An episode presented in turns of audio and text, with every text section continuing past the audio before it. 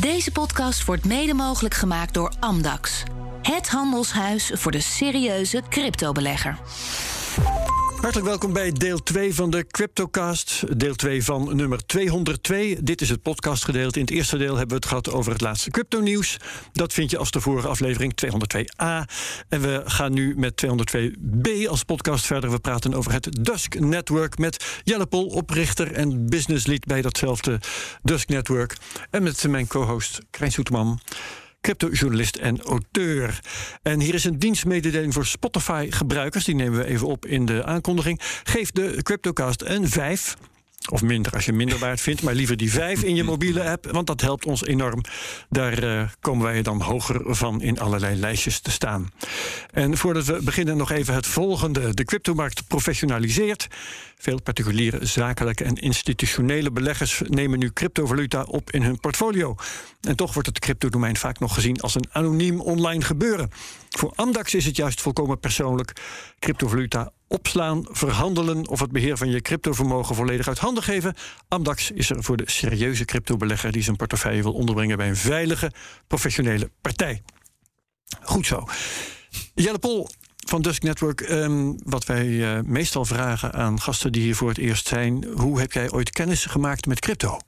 Ah, um, in mijn studententijd begon ik er al losjes uh, uh, een beetje mee te spelen. toen was het echt nog. en dat is hoe lang geleden? Dan hebben we denk ik over de periode 2011 tot en met 2013. Oh, dat is lekker vroeg. Dus dat was op zich vrij vroeg. toen ook wel wat bitcoin gekocht. En daar waren toen heel trots op met ons groepje studenten... dat we dan voor 300 dollar kochten en voor 800 hadden verkocht. Oh ja. En dan kon je, kon je de kroeg in, zeg maar. 200 bitcoins. Exact, ja. en toen heel klassiek eigenlijk, die hele periode van 13 tot en met zo'n beetje 17... Uh, zelf ook in winterslaap gegaan. Uh, niet uh, bitcoins aangehouden, helaas, maar ook geen harde schijven kwijtgeraakt. Nou, noem het allemaal maar. Dat eigenlijk helemaal overgeslagen. Ja, ja. Toen wel zakelijk met echt de techniek in aanraking gekomen. In 2015 begon ik bij Shell, het energiebedrijf. daar heb ik ook het blockchain-team opgericht. En daar hebben we ook ah. de eerste paar projecten gedaan, heel erg vanuit de zakelijke hoek. Uh, toen ben ik echt met de techniek uh, uh, aan de slag gegaan. Um, nou, en terwijl ik daar eigenlijk een jaar of twee in zat, begon die markt ook weer aan te trekken richting 2017. Toen, toen kwam eigenlijk de privé-interesse er weer helemaal terug in. Ja. toen eigenlijk allebei de, de, de, de, de paden blijven bewandelen. Um, toen heb ik nog een tijdje bij de groene energieafdeling van Shell gewerkt. Maar het blockchain, beestje, had me wel redelijk gebeten.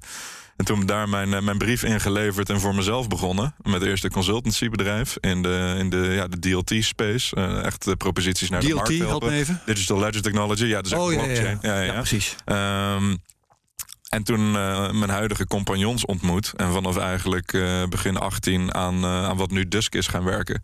Ja. dus eigenlijk nu wel een jaar, richting de vier jaar, echt fulltime in de space. Ja. Ja, um, nou, vertel er maar over Dusk, wat dat uh, beoogt en hoe het werkt. Zo, ja, maar uh, heel, kort, heel kort vraagje. Ben je zelf ook een van de mensen, mensen die zeg maar, daadwerkelijk het protocol ontwikkeld heeft? Of uh, ben je zeg maar, techneut ook in die zin, of niet? Nee, uh, ik ben niet ontwikkelaar in de zin van dat ik zelf code schrijf. je ziet wel met een layer 1 dat er ook heel veel, zeg maar, ja, dat noemen we mechanism design. Dus het ontwerp van de mechanismes. Dus dat zijn stukjes speltheorie en, en, en, en stukjes governance. daar speel ik wel een grote rol in. Dus als wij bepaalde prikkels geven en we extrapoleren dat over de jaren heen. Welke staat of welk gedrag kunnen we dan gaan verwachten binnen zo'n netwerk? Uh, en als je dat verkeerd doet, dan ja, geef je eigenlijk ja, verborgen prikkels om, om, om, om, om verkeerd gedrag te gaan vertonen. Uh, uh, en, en dat zijn wel stukken waar ik heel actief in ben. Maar ik vertaal dat dan niet door naar de code. Daar okay. heb ik gelukkig compagnons voor. Oké. Jij hebt in het nieuwsgedeelte op de zender bij BNR hmm. al verteld dat Dusk Network bedoeld is om de financiële markten eerlijker te maken. Je ja. kunt er allerlei financiële waarden, zoals aandelen, kun je tokeniseren, waardoor ja. ze makkelijker verhandelbaar zijn in stukjes. Um, maar ja, vertel maar hoe je dat dan bereikt. Ja, mee, met uh, crypto. Hoe het eigenlijk begon is dat we begin 2018 uh, zaten wij gewoon nog met een consultancyklus uh, uh, voor, een, voor een klant te werken. En zij maakte eigenlijk communicatieoplossingen op de blockchain. Dus eigenlijk gewoon een soort messenger-applicatie. er zaten een aantal interessante privacy-componenten in die we toen. Een beetje wat, wat Signal nu doet. ja, maar dan eigenlijk privé. Het ging eigenlijk over een soort hardware, bijna een soort telefoons voor journalisten. die dan in vervelende gebieden konden communiceren zonder achter in een bus te belanden, oh, zeg maar. Ja, ja, ja. maar daar moest een cryptografisch Crypto, protocolletje dus inderdaad gecodeerd telefo telefoneren, zodat dat niet afgeluisterd Maar dat is een hele niche use case, zeg maar eigenlijk. Hè? dus daar hadden we wat dingetjes voor opgelost. En dat smaakte wel naar meer, want het is uh, ontzettend interessant, die privacy-technologie. Uh, er was toen ook eens uh, een beetje hype aan, om, om security tokens aan het ontstaan. Nou, ik heb zelf wel een iets financiëlere achtergrond en, en een van mijn andere compagnons ook. En zeggen we, oh, dit, dit, dit leent zich eigenlijk wel extreem goed tot de financiële markten. Waarin we, toen ging het ook al om institutional money. En waarom blijft dat nou uit? Ja, nou ook wel een stukje gebrek aan privacy. mensen willen hun trade secrets, hun, hun, hun, hun handelsgeheimen niet op straat hebben liggen. De markt wordt nog heel makkelijk gemanipuleerd omdat alles zo zichtbaar is. Dus mensen gaan daar ook weer op letten en, en verkeerde interpretaties aanhangen. Nou, noem het allemaal maar. Ik dacht van, nou, hier hebben we misschien wel wat in handen uh, uh, als onderliggende technologie voor die financiële markten. Toen, toen zijn we eigenlijk die whitepaper gaan schrijven van, oké, hoe ziet dit er dan echt uit? Want uh, dit was gewoon nog achter op een bierveeltje, zeg maar. Dus daar hebben we ongeveer zes maanden de tijd ingestoken van, oké, hoe, hoe hoe, ziet dat er nou ja, full stack uit, zeg maar? We maken die hele blockchain met smart contracts en, en, en, en, en gaat dat dan echt werken? Um, ondertussen is het ook Dusk Network gaan heten. In het begin was het gewoon een idee.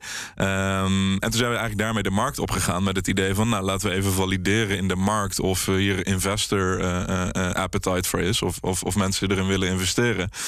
Want uh, ja, als wij het heel tof vinden, maar niemand geeft er een fluit om, dan moeten we het misschien niet gaan doen. uh, en toen hebben we eind 2018 dus onze private sale uh, gesloten, succesvol. En toen zijn we echt opgeschaald en gaan bouwen. Um, en, hoeveel hebben jullie daarmee opgehaald, ik vraag 8 miljoen dollar. 8 miljoen dollar hebben we toen opgehaald. Dus dat is een redelijk... Internationaal. Uh, ja, wel veel uh, in de Europese Unie. Uh, ook wel wat internationaal. Zeker toen waren dingen zoals met de VS eigenlijk nog niet mogelijk. was te onduidelijk wat het allemaal betekende. Dus daar kon je eigenlijk niet efficiënt fundraisen. Uh, maar wel wat Azië, Aziatische investeerders aan boord gehaald. Nou, ja, ja. noem het allemaal maar. Ik kan op, op dit moment, uh, zoals je het nu verteld hebt, kan ik nog niet direct plaatsen wat je nu precies doet nee, voor wie. Exact. Nou, wat kan ik nu gaan doen? als ik nog pas in eind 2018. Ja. Oké, okay, dan ga ik even vogelvluchten heen. Dus wat het eigenlijk is, is een, is een, is een layer 1 uh, blockchain. Dus zie dat als een Ethereum of als een, dat is gewoon de onderliggende techniek onder de motorkap. Daar gebeuren een aantal dingen die precies op die manier moeten gebeuren om te kunnen werken in de financiële markten. Gewoon vanuit wet en regelgeving. Mm-hmm. Dat is ook waarom we het echt van de grond af aan opnieuw hebben moeten opbouwen. Want iets herbruiken wat voor een ander doel was gebouwd, ging niet vliegen onder de grote ja, financiële wet en regelgevingen. Um, en daarbovenop hebben we eigenlijk een smart contract laag ontwikkeld.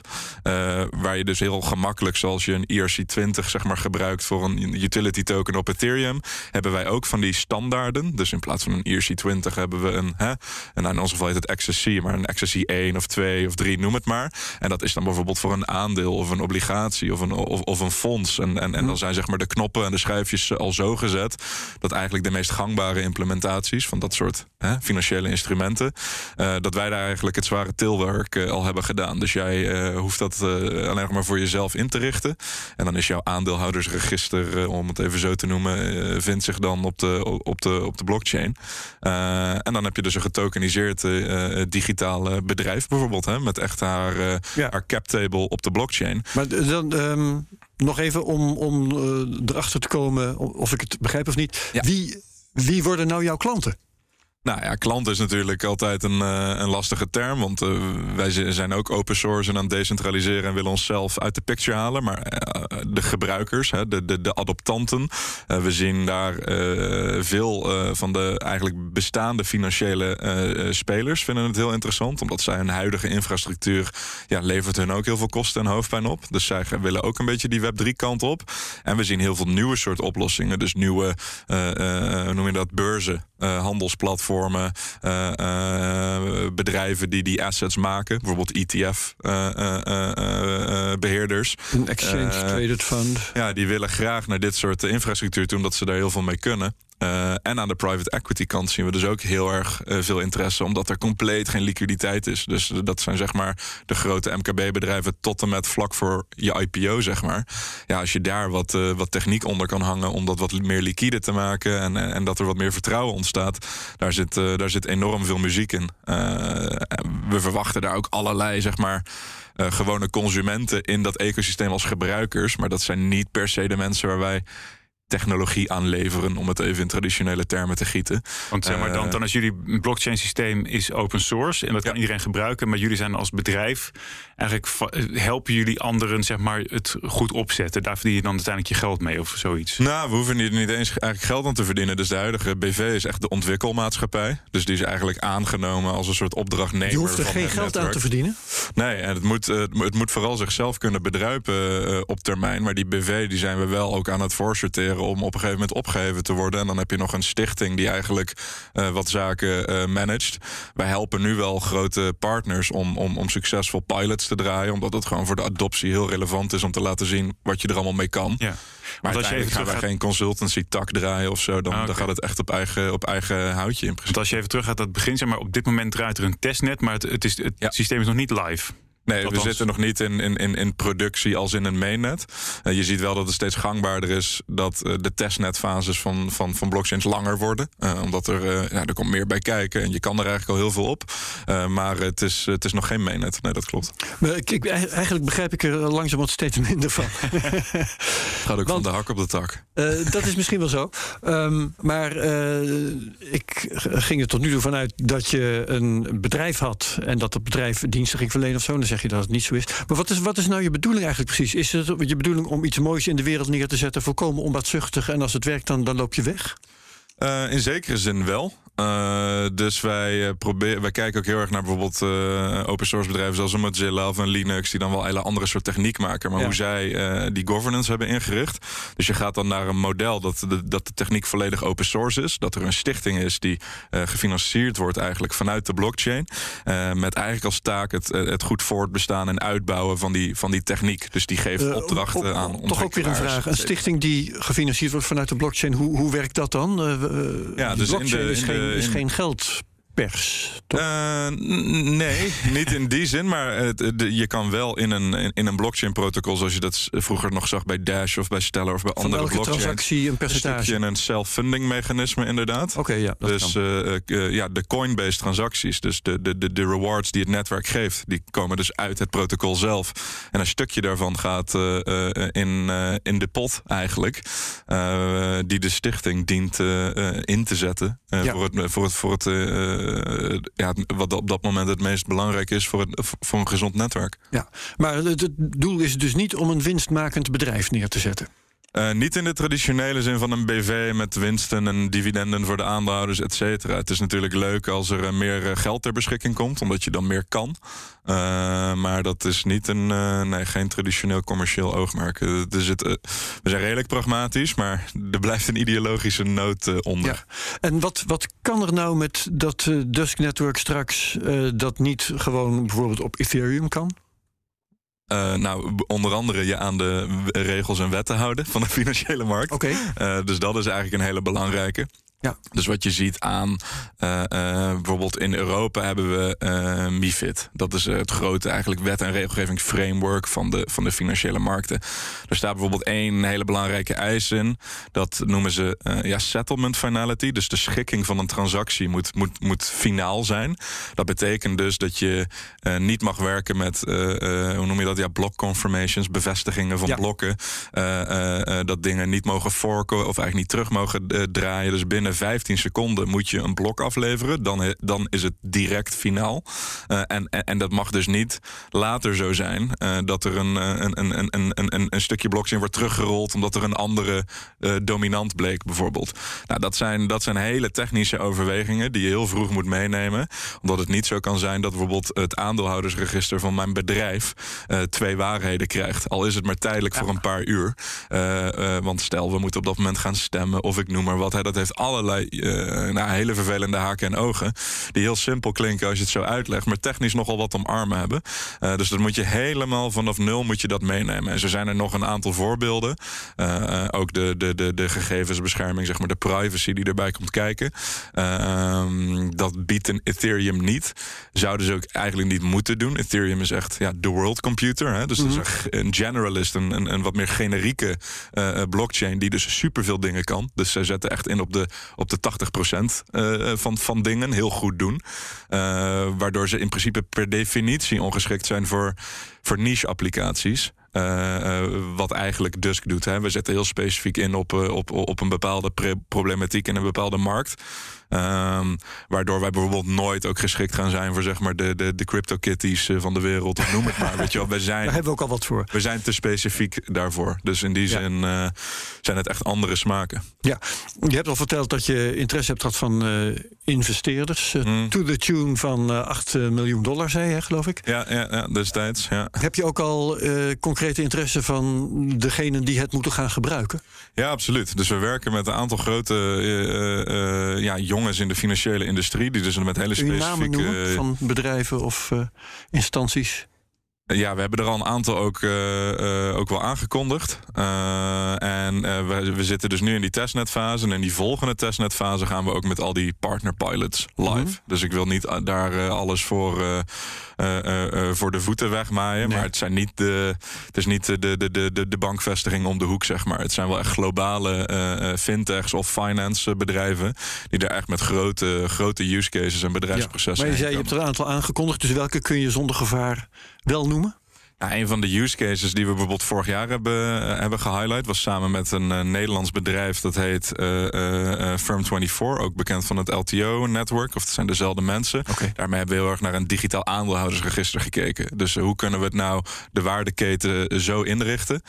dat als een bedrijf opstart, dat ze niet meer dat, dat stomme stapje hoeven te doen... van eerst aandelen uitgeven en daarna koppelen aan tokens... maar kunnen we dat direct native gaan doen. Dus dat het lanceren van een smart contract eigenlijk in de plaats komt van de notariële akte. Of uh, eigenlijk die plek overneemt.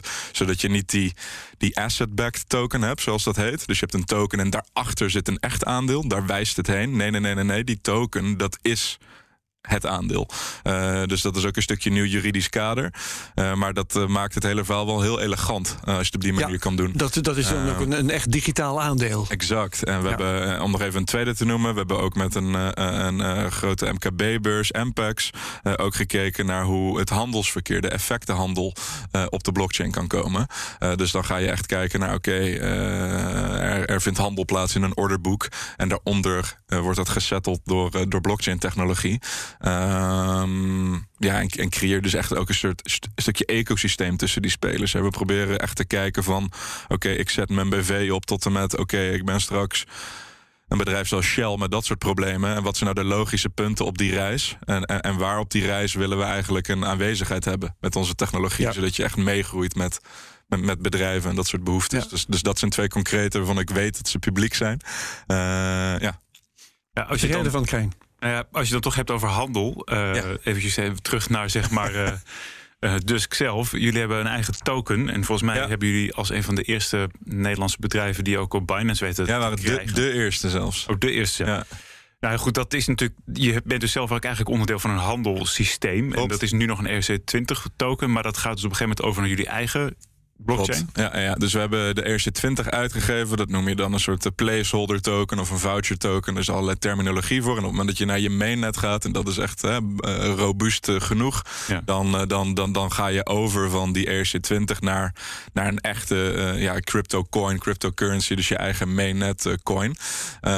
je ziet wel in het landschap dat er steeds meer. Uh, uh, uh, acceptatie ook begint te ontstaan voor uh, bedrijven die dus een mainnet coin hebben, maar toch nog een stukje van die brug openhouden naar hun oude ERC20. Uh, omdat bijvoorbeeld heel veel van de handelsplaatsen waar zij op uh, staan, ja. een enorme achterstand hebben op al die nieuwe layer ones integreren. Et je, je, kunt natuurlijk ook niet van elk ding op een gegeven moment een, een, een server draaien met een, met een eigen blockchain. Ja, dus dan zie je dat die ERC20 toch nog wel handig kan ja. zijn voor, voor de handelsomgeving waar je in begeeft. en dat de mensen die echt puur de, de, de, de techniek techniek willen gebruiken, ja, die gaan sowieso over. Ja. En dan over tijd, als je, hè, eh, als, eh, eh, als je meer bewezen blijkt, ja, dan gaan die exchanges op een gegeven moment ook allemaal wel over. En dan, dan, dan, dan ben je echt eh, ja, in, in, in de big leagues. En, en, en wat gaat dan zeg maar eh, jullie token eh, binnen jullie netwerk doen? Wat, wat, wat is het doel van, dit, van, van de token? Ja, dus het, is, het wordt dus echt een coin. Hè? Dus token is eigenlijk een, een, een- meer een soort layer 2 term. Die geef je uit bovenop een blockchain. Dat is wat het nu eigenlijk nog is, hè? Ja, nu, ja, nu is het eigenlijk een token op de Ethereum blockchain. Dus dat is puur het, eh, het, ERC20. eh, het IOU-briefje Ja. voor, voor, voor, het- voor, voor het echte ding. Eh, en dan straks wordt het echt een, een, een- een layer 1, ja, een native eh, cryptocurrency. Eh, en, en, en dat heeft hele, eh, ja, eigenlijk hele gangbare layer 1 functionaliteiten. Dus je betaalt daarmee voor gas of, of voor het deployen van een smart contract of om te kunnen steken. Eh, dus dat, eh, de- ja, dat zijn redelijk ja, eh, welbekende eh, functionaliteiten inmiddels. Ja. Dat is waar je hem ook voor nodig hebt. Want dat is Daar natuurlijk. moet ook- je dus voor hebben. Ja, exact. Ja. Eh, je kan niet met andere layer 1 munten onze gas fees betalen. et Nee, hadden, niet op het moment. Tenzij je eerst op de exchange. En dat is een interessante vraag, want jullie staan dan gelist op Binance. Maar hoe heb je dat voor elkaar gekregen? Want daar, als ik goed begrijp, worden daar mega bedragen voor gevraagd. Nou, het, eh, dit was eh, denk ik... Volgens mij zijn wij medio 2019 daar gelist. Juni of juli, uit mijn hoofd.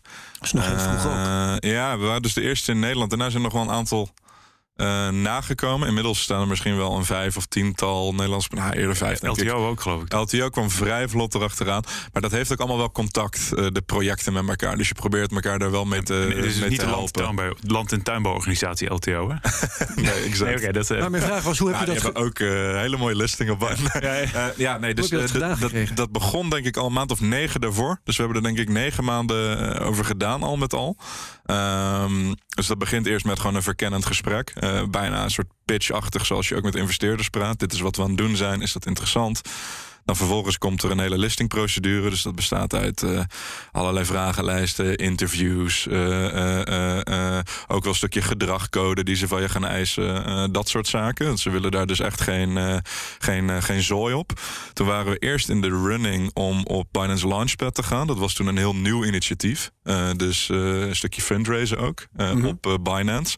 Uiteindelijk werd er toen bij ons werd er een ander project voorgeschoven. Dat bleek later eh, BitTorrent eh, te zijn van Oh, Tron, die acquisitie. Ja, die moest ja, natuurlijk even voor. Waardoor het ons te lang begon te duren. En toen hebben we eigenlijk gelobbyd voor mogen we dan de direct listing. Dus gewoon puur de beurs op.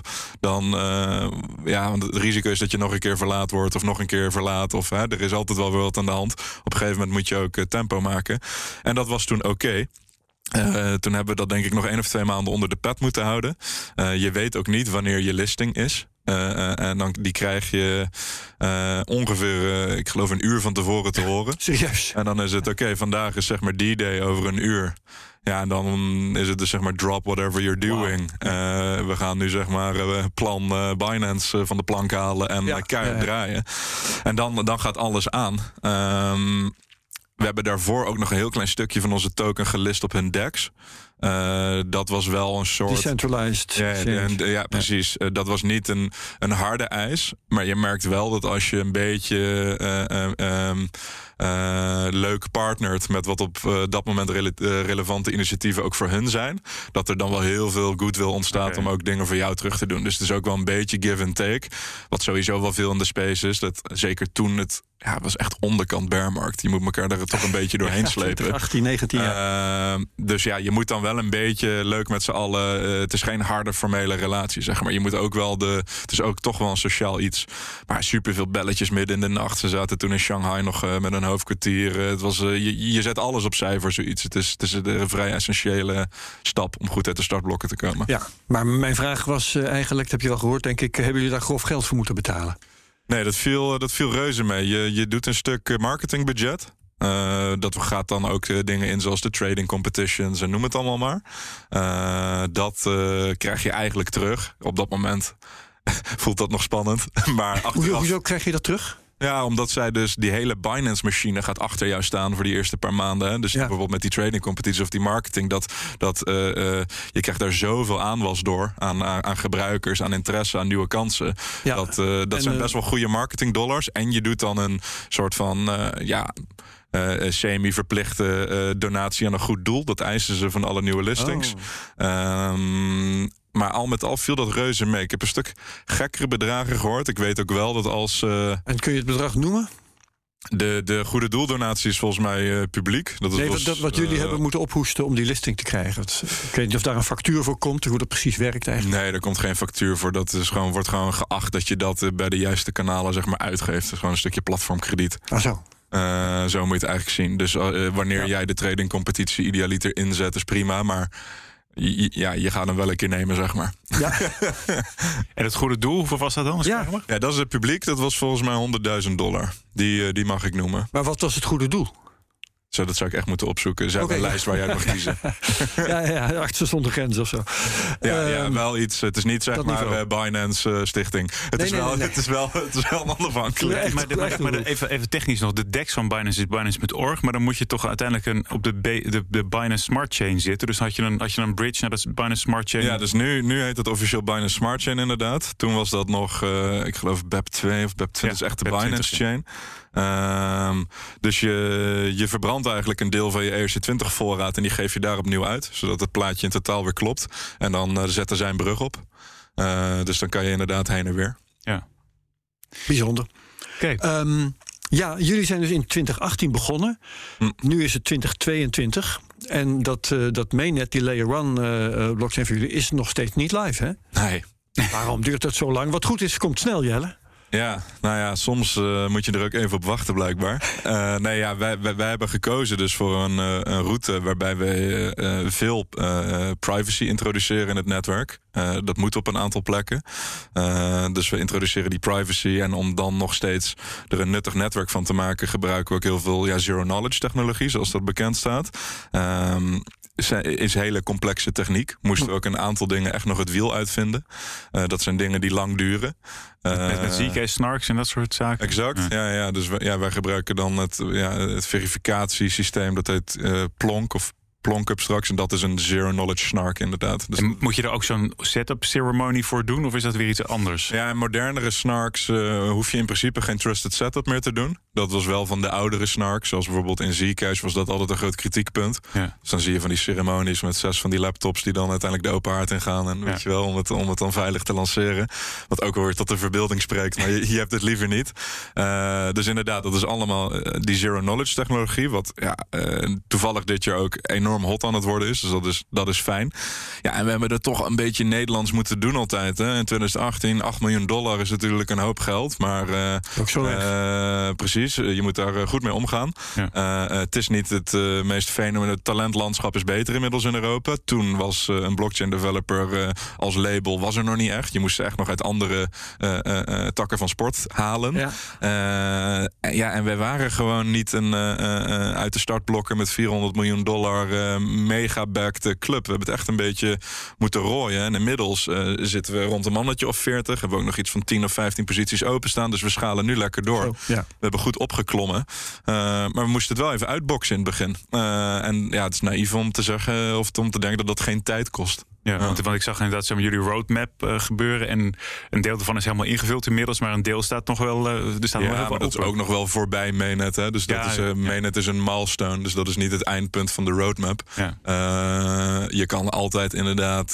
ja, eh, elk blockchain project, en zeker een layer 1...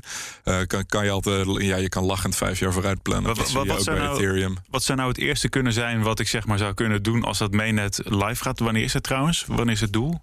Ja, dus dat is eigenlijk gewoon. eh, eh, we hebben eh, testnet gedefinieerd in een aantal fases. Op het moment dat die gewoon goed doorlopen zijn, is het ready to go, zeg maar. Dus dat is wel echt afhankelijk van wat je tegenkomt. Ja, dus je gaat wel. het is niet zeg maar nog een keer drie, vier jaar. Ja. Het, is wel, het is wel korter. Ja, wat je kan doen, je, ja, je kan natuurlijk Dusk transacten. Hè? Net zoals Ja. dat je Ethereum heen en weer kan sturen. Dus je zou kunnen steken. Je kan smart contracts uitgeven. Nou, je kan dus bijvoorbeeld een, een aandeel in eh, BNR Nieuwsradio. Kan je tokenizen, deels of volledig. dat soort zaken. dus eigenlijk alles omtrent financiële instrumenten kan je dan in de basis al wel direct doen. Dat kan ook al op testnet. En zit, er, en zit er dan ook zeg maar, een systeem dat je als zeg maar, niet programmeer, niet developer, dat je dan zeg maar, een, iets bij elkaar kunt slepen van, met, met blokken of opties? Ja, ja, ja. Dat wordt, je wil het natuurlijk altijd zo simpel mogelijk maken. dus er zit heel veel aandacht in die zeg maar, UX, UI-kant. Dus user experience, user interface. Dus gebruiksvriendelijkheid. waardoor het zo makkelijk mogelijk wordt gemaakt om, om een smart contract uit te geven. het zal nooit een appje met twee knoppen worden. Want je moet een aantal keuzes maken. maar als jij nu een aandeel kan uitgeven bij de notaris met wat, met wat hulp, zeg maar, dan gaat dit zeker lukken. dus het is niet het moeilijkste op aarde. Maar het wordt ook geen. nee, maar je zei ook al, het is heel specifiek gericht op een bepaalde niche. Ja, daar hebben de meeste mensen. Ja, dat moet je toch echt. Ja, maar ze vinden het misschien wel leuk om een smart contract op Dusk uit te geven. Die, die dan misschien niet een, eh, een, een aandeel in een bedrijf is, maar waar ze wat anders mee verzinnen. Uiteindelijk is het ook een beetje aan mensen om. om, om een lidmaatschap in een vereniging of zo. Ja, precies. En uh, dat moet dan ook wel kunnen. En, en, en dat lukt wel. Uh, technisch gezien. Toch zie je vaak wel in de blockchain-wereld dat je. Je moet niet alleen van techniek wat weten om, om, om, om het goed voor jezelf in te zetten. Hè. Je, we hadden het al over governance, we hadden het al over wet en regelgeving, noem het allemaal maar. Je, voorlopig ben je nog wel redelijk savvy als je, als je, als je blockchain eh, goed tot zijn recht laat komen. En is die notaris dan eigenlijk nog nodig? Of uh, is dan officieel uh, is die overbodig geworden? Dankzij jullie ehm, blockchain-technologie? Nou ja, praktisch gezien kan je zeggen dat die dan overbodig is. Want wat doet de notaris? Maar ja, dat is meer een uh, ingebakken in het ondernemingsrecht. Ja. Uh, dat die handeling moet. Uh, maar je kan je wel voorstellen dat, dat zie je nu al wel, dat er een voorhoede notaris ontstaat. die dat digitale wereldje toch wel goed kan bedienen. Dus dan kan de notaris bijvoorbeeld de, de partij zijn die het smart contract deployt. dus zij, zij zijn dan nog steeds een soort van registerhouder of de vertrouwde partij daarin. maar je hebt niet meer zo'n uh, zo, zo'n ouderwets boekje. Ja, dan is de vraag, wat is daar dan de meerwaarde van? Maar je moet dat echt zien als een nieuw ingangspunt tot een hele andere space. Zeg maar natuurlijk, die specifieke stempel zelf is dan niet uh, uh, heel veel goedkoper of whatever geworden. Maar in plaats van dat je met een bak papier en alle belemmeringen van die naar huis gaat, is zeg maar wel de deur opengegooid voor dus een heel digitaal financieel ecosysteem. Dus, en dan begint de lol dus, zeg maar. Dus je moet het nooit ja, je moet het niet reduceren tot alleen die stap, zeg maar. Ja. En nou uh, wil ik het nog even eh, hebben over jullie blockchain. Of had jij nog uh, over dit? Nee, het is, uh, ja, oké. Okay. Goed, de, dus de blockchain die, die gaat dan. dat kun je nog niet precies zeggen wanneer live, maar zal het in dit jaar zijn? Naar, uh, naar, het, naar het mainnet. Ja? Uh, ik denk wel dat het een hele goede kans is, ja. Oké. Okay. Um, maar hoe gaat die eruit zien?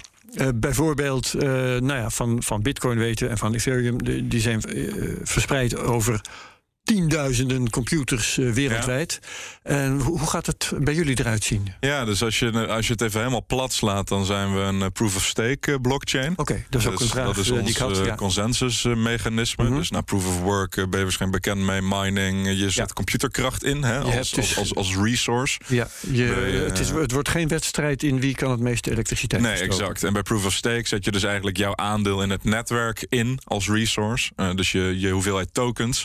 En die steek je dan en dan kan je die rollen vervullen in het netwerk. Hè? Dus nieuwe blokken voorstellen of blokken goedkeuren. Nou, noem het allemaal maar. Um, dat is eigenlijk hoe je de consensus moet zien.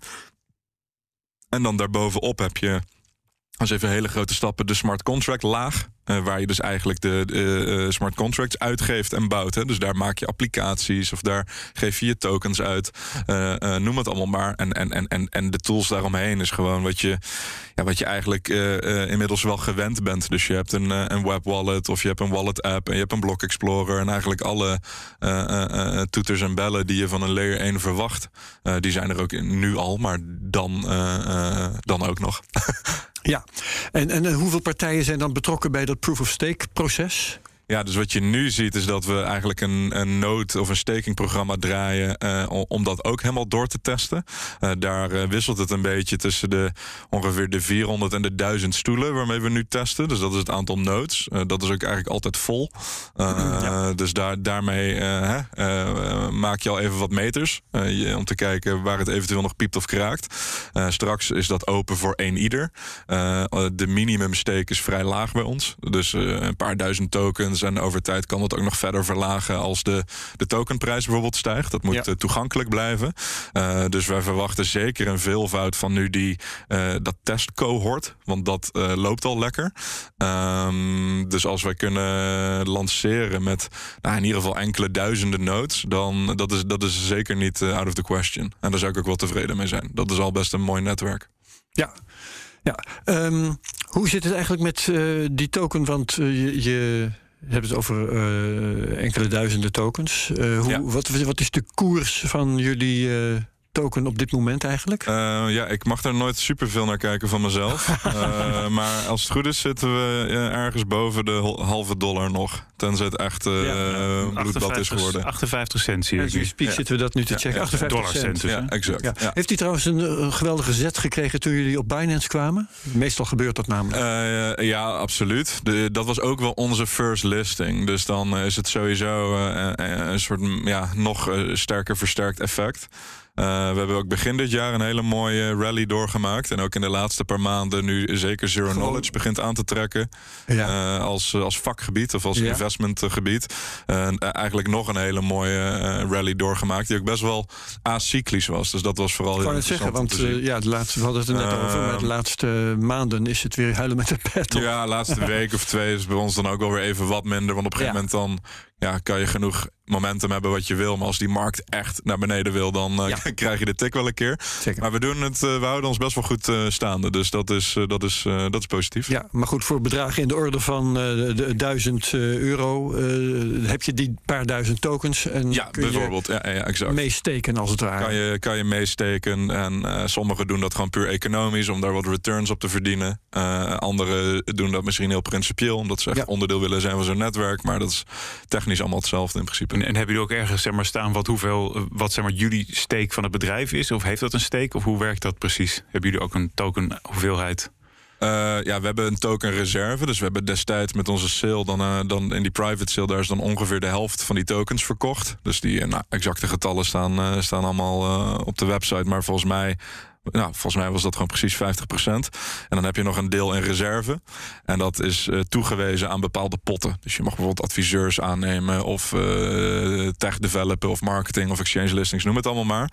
Uh, dus op het moment dat je echt gaat steken op je, op je, op je mainnet in principe, daar moet je heel erg oppassen welke rol je neemt. Want je wil helemaal niet een enorme rol nemen en, om bijvoorbeeld heel veel rewards naar jezelf toe te zuigen. Ja. Of als je dus zegt van we nemen wel een bepaalde steek, omdat we in het begin een stukje veiligheid willen garanderen, ja, moet je gewoon heel transparant zijn over welk deel van de reward je dan ook pakt en, en waar dat dan weer aan toe komt.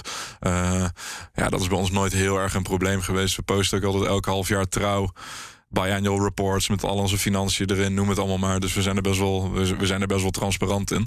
Dus onze exacte strategie daarover, die komt ook gewoon weer online. Ja.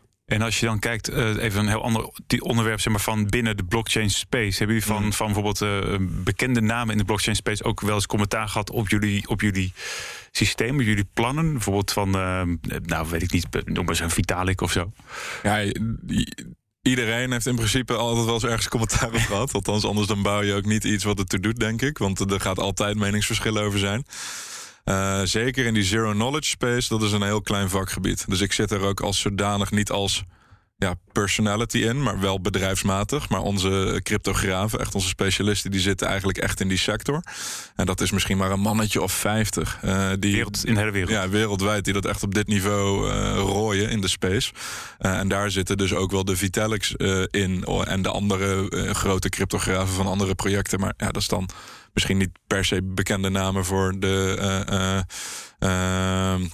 Voor de gemiddelde luisteraar. Maar dat zijn bijvoorbeeld de Dyra Hopwoods. Dat is dan van Zcash. Of uh, nou, noem het allemaal maar. Dat zijn, dat zijn wel de grote namen. En daar, daar begeeft het zich wel in. Uh, dus uh, dat kijkt allemaal mee met elkaar.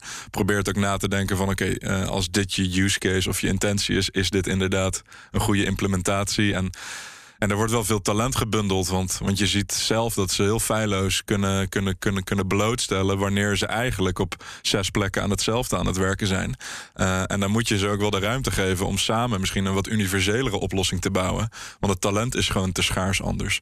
Uh, ja, want heel veel mensen die in deze space werken, die, die, die zijn eigenlijk freelance en die werken voor verschillende projecten. Ja, of ze hebben in ieder geval superveel contact met elkaar. Ze zien toch de bal vooruitschoppen in de algemene zero-knowledge space. Is vaak toch nog wel echt ideologisch een heel sterk component. Dus het is wel leuk dat, dat ik als Dusk misschien van ze vraag om aan X te werken. Maar als, als, als al hun 50 collega's ook aan X gevraagd worden te werken bij al hun 50 bedrijven. Dat is natuurlijk nogal een verbranding van kapitaal en tijd en talent. En daar zijn ze wel scherp op. Dus dan proberen ze wel het gesprek te openen van kunnen we niet met z'n allen iets bouwen wat iedereen dient. Uh, in dus een vijftigste van de ja. resources. Uh, en uh, ja, daar moet je in principe wel tot op zekere hoogte altijd in meegaan. Want dat, is, ja, dat dient het hele verhaal wel. En je bent toch open source. Dus, ja. het heeft niet zoveel zin om iets, iets half close te bouwen... wat niemand verder gebruikt en waardoor het slecht onderhouden wordt... en al dat soort... Uh... Nee, nee, exact. Nee, dat is sowieso zo. Maar uh, je, soms moet je dus misschien ook wel een stukje van een requirement inleveren... Ja. om het universeel nuttig te maken. Dus het is meer een beetje dat wikken en wegen. Ja. Uh, verder is het inderdaad heel nuttig. ja. Met welke regelgevende financiële autoriteiten heb je nou te maken als de Nederlandse bank, AFM? Of hebben alleen straks de gebruikers van het Dusk-netwerk daarmee te maken? Nou, we hebben wel uh, uh, contact sowieso met de Nederlandse uh, autoriteiten. dat is meer ook inderdaad om het, om het ontwerp of om bepaalde plannen te toetsen. Wij staan zelf in die zin niet onder toezicht, omdat wij hebben onze private sale gedaan nog voor ja, Mika eigenlijk in het spel kwam. Dus dat was toen nog ja, formeel gezien ongereguleerd. Ja, ja, ja, ja. Uh, we bouwen een layer 1 protocol. Dus we zijn ook in die zin geen cryptodienstverlener, et cetera. Dat is gewoon open source technologie. Dus wij verwachten ook niet onder dat toezicht uh, direct te komen. Um, DNB is eigenlijk hetzelfde verhaal. We hebben wel uh, uh, contact met die autoriteiten, ook op Europees niveau. Dus zijn bijvoorbeeld de ESMA's of uh, dat soort partijen om, om ontwerpkeuzes eigenlijk te toetsen. Wij denken dat we met deze implementatie voldoen aan dit wet en regelgeving kader. Maar ja, als je hem helemaal formeel op de, op, de, op de letter leest, dan twijfelen we hier bijvoorbeeld over. en dan ja, ga je daarover in dialoog. want je moet toch iets ontwerpen wat eigenlijk in de geest van de regelgeving werkt. Dus wat precies doet wat de bedoeling is. Maar niet dat je exact het wetboek nabouwt op een blockchain, zeg maar. Want je wil ook bepaalde onhandigheden eruit halen. Dus ja, je zal er over in dialoog moeten af en toe. Ja, ja maar dat, dat zijn er dus meer de gebruikers van de technologie die daarmee te maken krijgen dan jullie als ontwikkelaars van de technologie? Um, ja, formeel wel. Uh, we hebben er nog steeds heel veel mee te maken, omdat ze het gewoon uh, maar wat graag uh, bijhouden. En we ja. staan ook wel open voor het gesprek om, om dat een beetje ook vooruit te helpen. maar, maar, maar dat zeg je inderdaad correct. Ja, ja. ja. En, en geldt hetzelfde voor privacy? Want jullie schermen met GDPR ready of iets dergelijks, als ik me niet vergis. Ja, ja, maar, ja die beschermen met van alles, joh. nee, maar wat, wat, ik bedoel te zeggen is. Um, uh, als je een protocol ontwikkelt ja. dat uh, helpt privacy te handhaven, dan ben je daarmee nog niet zelf bezig met het verwerken van gegevens bijvoorbeeld. Hè? Dat doen nee, dat meer degenen die je protocol gebruiken. Dus hoe zit dat? Nou. Ja, uh, dat, dat klopt. Uh, maar er zit nog wel nuance in. Dus ook al als ik niet als Dus Network BV zijnde de gegevensverwerker ben, kan er nog steeds voortkomen dat een blockchain wel persoonsgegevens opslaat. Uh, in een transactie bijvoorbeeld. Ja, ja, ja, ja, uh, ja, En als een persoon dan zegt: Ja, maar hallo, ik ben een European citizen en ik heb the right to be forgotten.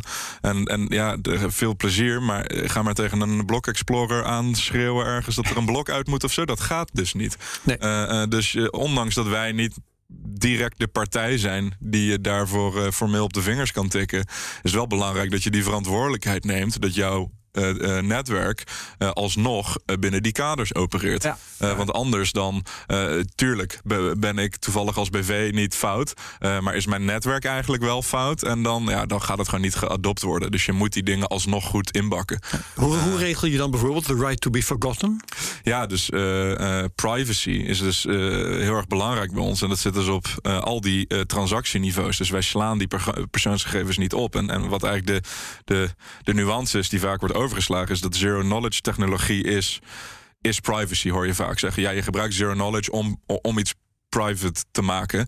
Maar eigenlijk maak je het eerst private. En die zero knowledge technologie gebruik je om nog steeds te kunnen uh, garanderen dat mensen zich aan de regels houden, ondanks die privacy. Dus je hebt dus die kennen ze allemaal niet. Zero knowledge omgeving, namelijk alles is privé.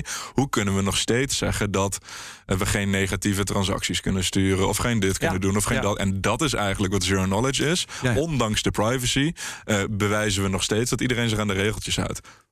Ja, ja, dus dat is te vergelijken met dingen waar je wel over hoort dat, um, uh, dat je tegenover een, uh, een wederpartij wel kunt bewijzen dat je meerderjarig bent, om maar eens dat te noemen, ja, zonder je leeftijd uh, door te geven. Ja, en, en, en, en, en inderdaad, dus een negatieve transactie is altijd een van de meest fundamentele voorbeelden. Want als ik jou min 50 bitcoin stuur, dan drain ik dus jouw wallet eigenlijk naar mij toe. Dat als, is eigenlijk als dat technisch wat er technisch is. gebeurt dan. Ja, ja, dus het is wel belangrijk, maar als die transactie hoeveelheid niet zichtbaar is, wil je wel graag bewijzen dat het nul of hoger is. Uh, dus dat is bijvoorbeeld een stukje uh, waar je dat bewijs wil leveren. Ja, het is heel grappig dat je dat voorbeeld noemt. Want ik moet nou weer denken aan wat we in de radio-uitzending hebben besproken. De uh, mobile coin, weet je wel. Ja. Die was een beetje moeilijk van de ene plek naar de andere te krijgen. Toen heb ik werkelijk nog even gekeken of ik niet een betaling van min zoveel mobile coin oh, kon ja. Oh, dat heb je geprobeerd. dat, ja. Nee, ik heb gekeken of het kon en het kon niet.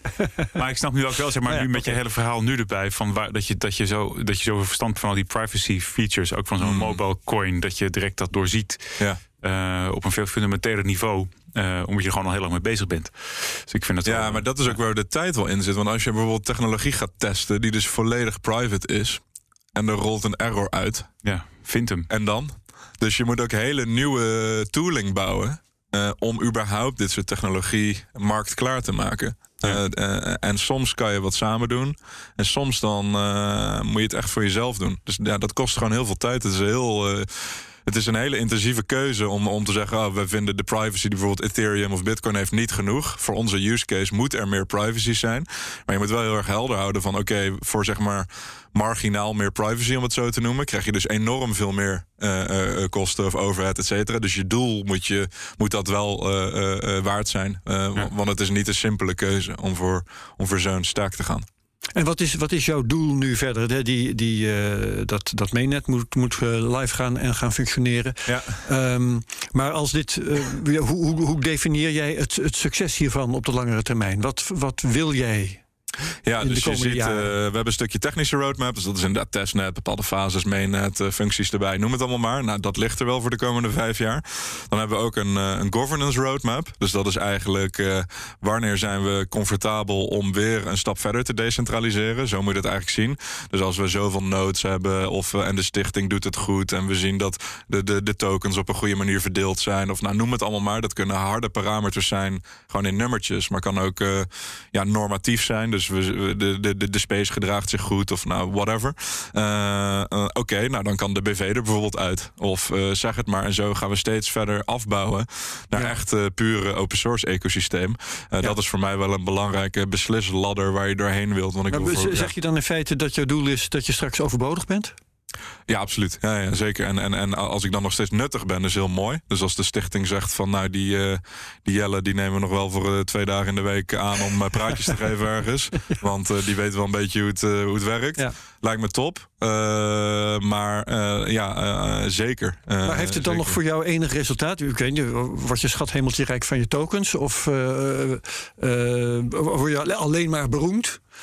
En kom je in de Wikipedia nou ja, te staan? Ik verzin maar even een paar dingen. Wat, beroemd, uh, alsjeblieft niet. Wat hou jij er straks aan over? Nou, dus dan, ik denk dat het, het is, het is een van de meest unieke reizen die je denk ik kan doen. Een layer 1 lanceren. Dus ik ben, als ik dit nog een paar jaar doe, dan denk ik wel dat ik als ik daarna zeg maar puur voor het geld wil ondernemen, dat ik uh, wel een redelijke toolkit heb opgebouwd uh, om dat uh, succesvol ja, te doen. Misschien inderdaad een reputatie. Ja, dus dat, dat, dat zie ik sowieso wel als dat mijn ambitie is. Da daar maak ik me niet zo druk om. We hebben wel een kleine incentive in de vorm van ja, founder tokens heet dat. Ja. Dus als het heel veel waard wordt, dan is dat wel een soort leuke eenmalige uh, uh, vergoeding. Maar dat is niet uh, zeg maar 50 jaar terugkerend dividend of whatever. Hè, dat je tot in einde ten dagen gespekt wordt. Ja. dus dat, ja, dat, is, dat is een soort nice to have. Ja, verder, ja, we zijn ook gewoon be begonnen toen we, weet ik veel, 26 waren met, met grote plannen in ons hoofd. inmiddels is het een, hele hoop meer geworden.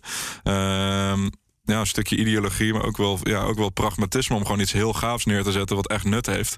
En alles wat daaruit voortvloeit. Ja, wij kunnen ook kiezen om commerciële applicaties op Dusk te gaan lanceren. die wel gewoon volledig voor profit zijn. Dat ja. staat helemaal los van het protocol. Ja, dat kan ook. Ja, durf ik wel te beweren dat wij dan een edge hebben. Ja, ja, dus ja. Dan, maar dan zou je daar een ander bedrijf voor oprichten exact. dat ja, dat, ja, dat, is, dat is formeel gewoon helemaal armslength. Ja, ja. ja exact. Ja, dan ben je gewoon een adoptant van Dusk Network.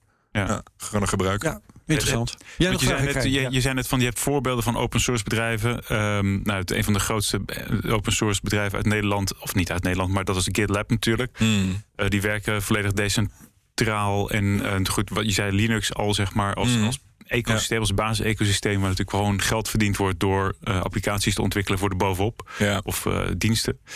Dus ja, dat is. maar goed, aan de andere kant, ik ben heel benieuwd waar het naartoe gaat. ja, ik ook. Ik ook. Mooi zo. Dan sluiten we het daarmee af. Ehm, terwijl ik nog eventjes, want mijn eh, PC zit is uitgevlogen. Dus Oh, ja, dat, dat is standaard. Nee, dat is, dat is standaard. Ja, nou, dat is leuk, want dat betekent dat ik mijn draaiboek helemaal niet heb hoeven raadplegen. Ja, ik zat Ehm, net nog even door, doorheen te bladeren, maar dit was zo grappig. Elke keer als ik dan dacht van, oh, dan moet ik even vragen, dan kwam je weer met het antwoord zelf. Dus dan was eigenlijk Ja, maar in- in- inmiddels heb ik het ook een paar keer gedaan. Ja. Erover praten bedoel je? Ja, ja, erover praten. Nou ja, of ik weet wel dat bepaalde dingen wel bepaalde nieuwe paden vaak oproepen. Qua vragen, et cetera. Dus je kan er wel redelijk heen.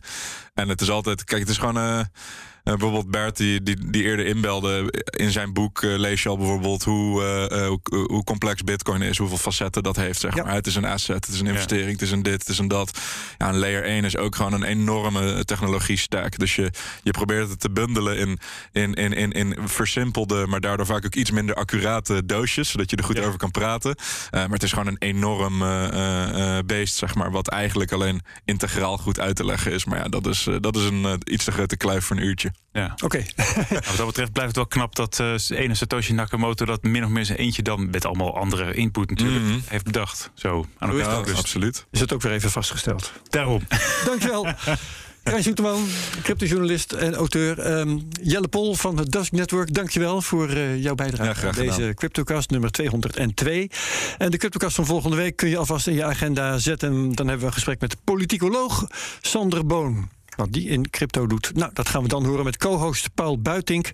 En als je deze aflevering leuk vond, vergeet hem dan niet te delen met je volgers op Twitter. Gebruik de mention CryptoCastNL. Laat reviews achter op Apple Podcasts. Dan kunnen andere liefhebbers ons daar ook beter vinden. Like, subscribe en comment op YouTube natuurlijk ook. En eh, wat de CryptoCast redactie betreft, heel hartelijk dank. En tot volgende week. Dag. Deze podcast wordt mede mogelijk gemaakt door Amdax. Het handelshuis voor de serieuze cryptobelegger.